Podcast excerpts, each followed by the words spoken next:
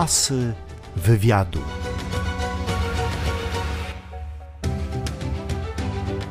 Barbara Fedoniuk, dzień dobry, witam Państwa i witam również mojego gościa. Dzień dobry. Dzień dobry.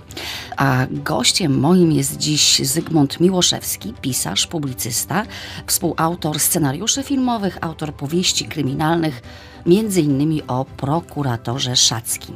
Panie Zygmuncie, pan się urodził i wychował w Warszawie. Wszystko się zgadza? Wszystko prawda. Jakie było pańskie dzieciństwo? Ja wiem, zwyczajne, takie perelowskie, tak? Czyli dzieciństwo... Podwórko, mm, trzepak? Dzieciństwo z lat 80., czyli siedzenie, siedzenie na podwórku, patrzenie tam w okna, w okna mieszkania, bo jak, e, jak mama wywieszała szmatę na balkonie, to był znak, że mamy z bratem... Wracać do że, domu. że mamy z bratem wracać, wracać do domu. Zwykły, myślę, dom, ani, A w jakiej ani jakoś, ani bardzo wychował? bogaty, ani bardzo, ani bardzo ubogi. W samym centrum Warszawy. Czy może nie w Pałacu Kultury, ale trzy przecznice od Pałacu, od Pałacu Kultury. Czy pańskie ulubione książki z dzieciństwa i czasów młodości to były powieści sensacyjne i kryminały? Powiem w skrócie, że czytałem absolutnie wszystko. Znaczy mój dom był bardzo czytający. Rodzice mieli tego tysiące książek na, na półkach w mieszkaniu, które nie wiem ile ma, jakieś 30 czy 3, 40 metrów może maks. No i po prostu czytałem wszystko. Anię z Zielonego Wzgórza razem z apokryfami, Poliannę, powieści westernowe Karola Maja, niektóre tak podłe, że nawet nie wydawano je w formie książkowej, tylko takie, takie zeszyty się kupowało, które trzeba było rozcinać dopiero w domu. Teraz jak myślę o tamtych lekturach, no to wiem, że na przykład zawsze się mnie pytają tutaj, no, takie stałe pytanie, tam pisarze, inspiracje, no to gdzieś e, Astrid Lindgren myślę, że była, znaczy dziwię się, że ona w ogóle nie dostała Nobla nigdy. Kobieta, która wymyśliła od nowa mm, literaturę dla dzieci i młodzieży i myślę, że jak o tym myślę, to to była najważniejsza lektura, lektura dzieciństwa. Znaczy zależy co, tak? Najpierw em, Dzieci z Bullerbyn, potem książka. Serce. Piękna książka Dzieci z Bullerbyn. Bullerbyn piękna, naiwna, urocza, no chociaż osobiście najbardziej cenię braci, braci Lubię Serce. Znaczy wspaniała powieść o śmierci, o, o przemijaniu, też o walce dobra ze złem. Jedna z najlepszych, mam wrażenie, jakie w ogóle napisano. Panie Zygmuncie, dostał się pan na studia Historia Kultury na Uniwersytecie e, Warszawskim. Nie, nie dostałem się. Nie dostałem się, ponieważ e, szukałem rozpaczliwie jakichkolwiek studiów, żeby nie iść do wojska i akurat dostępna była historia kultury na ówczesnym ATK, czyli dzisiejszym Uniwersytecie kardynała Stefana Wyszyńskiego. No to jak się pan nie dostał, a pan studiował? No, musiałem studiować, bo inaczej bym poszedł do wojska, bo to były lata, połowa lat 90. No i tam po tych kilku latach tych różnych męczarni studenckich, jeszcze na innych kierunkach, Zawiesił się pan na ATK, tak? Tak, znaczy powiem tak, myślałem, że to będzie ciekawe. Tu wyobrażałem sobie, jak szedłem na studia, że to będzie jakaś taka wielka intelektualna przygoda. A się okazało, że to jest znowu lekcje. I słuchać y, o rzeczach, o których albo wiem, albo które mnie nie interesują. No i za E, długo pan nie postudiował. Nie, nie. Jak tego się okazało, że ojcowie dzieci nie idą do wojska, tego samego dnia skończyłem swoją karierę z wyższą, z wyższą edukacją. Od 95 roku zaczął pan pracować w Super Expressie, w którym to piśmie relacjonował pan sprawy sądowe, właściwie były to reportaże e, z sal sądowych. Stąd rozumiem taka dobra znajomość tego środowiska, tak? Bez przesady też ten Super Express teraz po prostu to, to Wszyscy strasznie- wyciągają. Teraz to strasznie brzmi, tak? Te, te, ta straszna gazeta, która się zajmuje tam tropieniem mamy Madzi, czy... Silikonowymi biustami czy, kogoś czy tam. biustami, czy po prostu to była taka gazeta, która się oderwała od Ekspresu Wieczornego. Ja byłem wychowany na, na złym Tyrmanda, także w ogóle praca w czymś, co było takim spadkobiercą Ekspresu Wieczornego, no to dla mnie było spełnienie, spełnienie marzeń. Nie myślałem wtedy, czy to tabloid, czy poważna gazeta. I faktycznie jakoś dość szybko trafiłem do sali sądowej, żeby tam stamtąd pisać relacje. Podpatrzyłem trochę działanie aparatu sprawiedliwości, na tyle, że, że wiedziałem, że jeśli kiedyś usiądę do kryminału, to będę miał bohatera prokuratora, a nie policjanta. Bo to jest znacznie ciekawszy zawód. Policjant łapie i dla policjanta sprawa jest skończona. A prokurator to jest ten szeryf. Musi założyć swoją togę, czyli trochę taki strój bohatera, prawda, jak peleryna, pójść do sądu i udowodnić, że to faktycznie jest ta osoba. Pański bohater powieści kryminalnych nazywa się e, Teodor Szacki i jest pierwowzór w rzeczywistości tego Teodora Szackiego, elegancki, szczupły, dbający bardzo o ubranie, e, dość e, cyniczny, chwilami wredny, Nie ma takich mężczyzn w Polsce. czyli nie ma pierwowzoru Szackiego. Nie ma pierwowzoru, ponieważ bohater, zwłaszcza bohater w kryminale, ma tyle różnych funkcji do spełnienia i musi być tak precyzyjnie wymyślony, że gdybym oparł go na prawdziwej osobie, to by się, to by się nie udało. Asy wywiadu.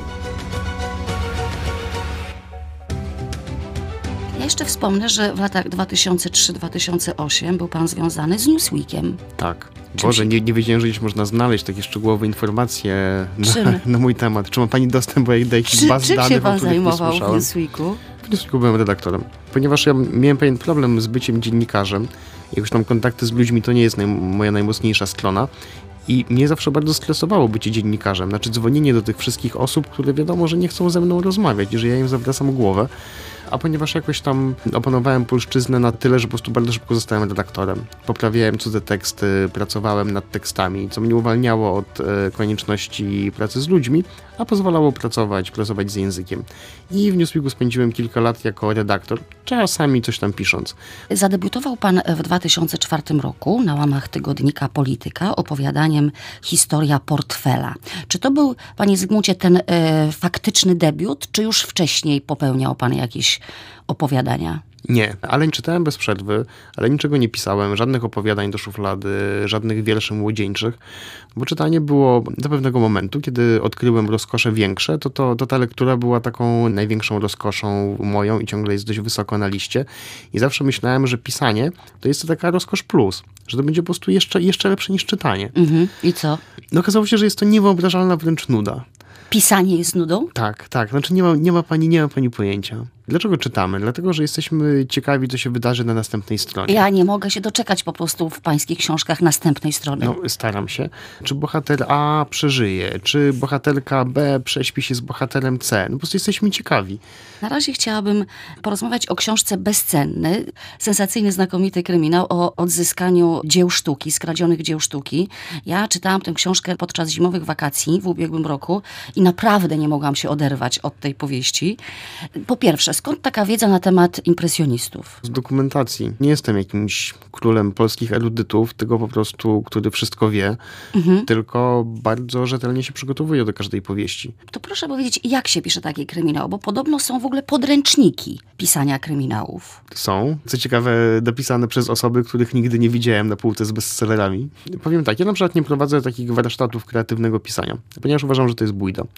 I że nie można nauczyć kogoś pisać książek. Jest tylko jedna metoda, żeby nauczyć się pisać książki, czy to kryminały, czy to jakiekolwiek inne, czyli czytać bardzo dużo książek.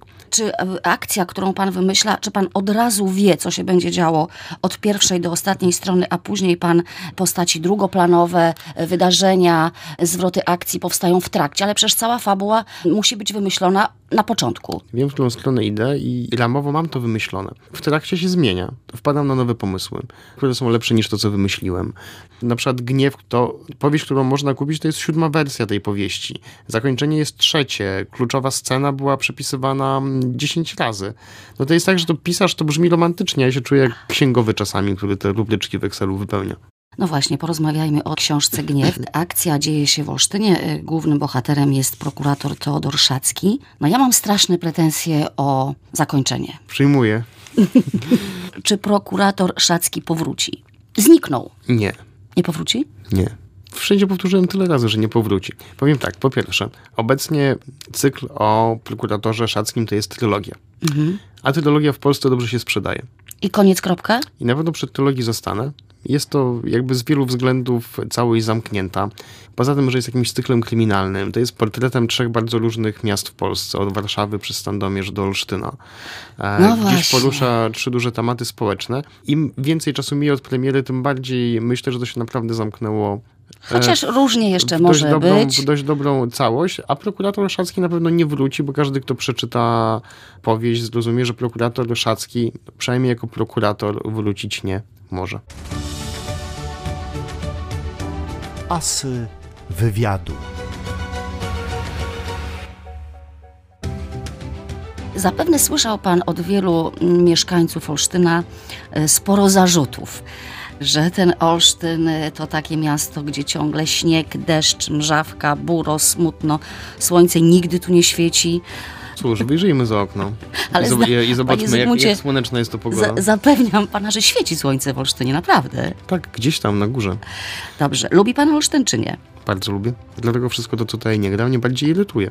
Gdybym widział to, to co się na przykład tutaj wyrabia w Bydgoszczy, to bym wzruszył, Nawet- wzruszył ramionami. A ponieważ z Olsztynem jestem związany, żonę, żonę mam z. Olsztyna, żonę mam z Olsztyna, gdzieś e, tutaj to wszystko bardziej mi, bardziej mi doskwiera. Jak widzę, że w jakiś tam jednak sposób moje miasto nie funkcjonuje tak, jakbym sobie tego, tego życzył. Panie Zygmuncie, jak wygląda y, kwestia przekładów pańskich książek? W porządku. Znaczy, ostatnio liczyłem, bo właśnie wyszło na to, że na 13 języków to albo już zostało przetłumaczone, albo ukaże się, ukaże się za chwilę. Niektóre pierwszoligowe, niektóre dość, niektóre dość egzotyczne, ale żeby było jasne, 13 języków to jest takie wow, tak, to brzmi. Gość, który zrobił międzynarodową karierę. Ale tak naprawdę często te tłumaczenia to jest tylko punkt w CV. Jest przekład, on się ukazuje i niewiele więcej z tego wynika. Ale na przykład we Francji to No jest właśnie. faktycznie zauważalny sukces. Był pan nominowany we Francji do dwóch prestiżowych nagród. Tam byłem nominowany do tych nagród pięciu czy sześciu, w tym do dwóch takich naprawdę pierwszoligowych. Niestety nie dostałem, na czym ubolewam, bo lubię dostawać nagrody. To już wolę nie być nominowany, niż mieć tę nominację i nie dostawać nagrody. I bardzo ciekawe jest patrzenie, jak ta powieść jest czytana przez Francuzów. Bo tam często ten wątek kryminalny schodzi na drugi plan. Mówimy o nich... uwikłaniu czy O Mhm. uwikłaniu, o uwikłaniu, bo dla nich znacznie ciekawszy jest po prostu taki opis e, obyczajów polskich. Bo oni oczywiście wiedzą, że gdzieś tam na końcu Europy taki egzotyczny kraj istnieje. Uwikłanie, dodajmy, rzecz się dzieje w Warszawie. Tak, tak, ale takie zajrzenie pod podszewkę społeczeństwa, zobaczenie jak ono funkcjonuje, czym żyje, to jest dla nich bardzo ciekawe. No, tak samo jak dla nas są ciekawe kryminały europejskie, nie tylko ze względu na trupa, ale ze względu na to, że możemy się czegoś dowiedzieć o Świetne tym, skandynawskie jak to, kryminały, funkcjonuje. prawda? No, Szwedzkie. no, no, no, no, już się przejadły trochę. Ale no cały czas jest, są popularne i, Ale i są. sprzedają się. Ale są, ale są też z innych, z innych miejsc. Bardzo fajny sposób na poznawanie obcych kultur, mam wrażenie. E, Może dodajmy jeszcze na koniec, że i Uwikłanie, i Ziarno Prawdy e, zostały sfilmowane. Uwikłanie przez Jacka Bromskiego, a Ziarno Prawdy przez Borysa Lankosza. Ponieważ e, w uwikłaniu prokuratora Szackiego zagrała Maja Ostaszewska, prokurator będzie mężczyzną. To będzie Zagra Agata go- Szacka, tak? Była Była. e, w Mhm. uwikłaniu. W Ziarnie Prawdy to będzie mężczyzna. Robert Więckiewicz go zagra. No, wygląda na to, że będzie bardzo, bardzo okej, ale to już państwo ocenicie A ponieważ jesteśmy lokalnymi patriotami, y, to ja jeszcze dodam, że pańska powieść Domofon, którą wydał pan w 2005 roku, była czytana w Radiu Olsztyn jako Tak. powieść w wydaniu dźwiękowym. Tak, wiem, wiem. Na, na, nawet próbowałem kilka razy posłuchać, ale nie dałem rady. Znaczy, to było w ogóle super zrobione, tak jak chciałem, czyli i, że nie tylko po prostu przeczytane jak audiobook, czyli tak w formie takiego półsłuchowiska z podziałem na rolę. No to ja po prostu nie mogę słuchać ani czytać niczego, co, Co napisałem. co napisałem. Ale tutaj produkcja Radia Olsztyn poszła w świat, bo wiem, że gdzieś to jeszcze wyemitowali, ale nie pamiętam gdzie. Nieważne, ważne, że tutaj. Ponieważ tutaj żona się ze mnie śmieje, że podpisałem Fox listę, już tutaj zostałem takim przyszywanym warmiakiem. Dziękuję za rozmowę.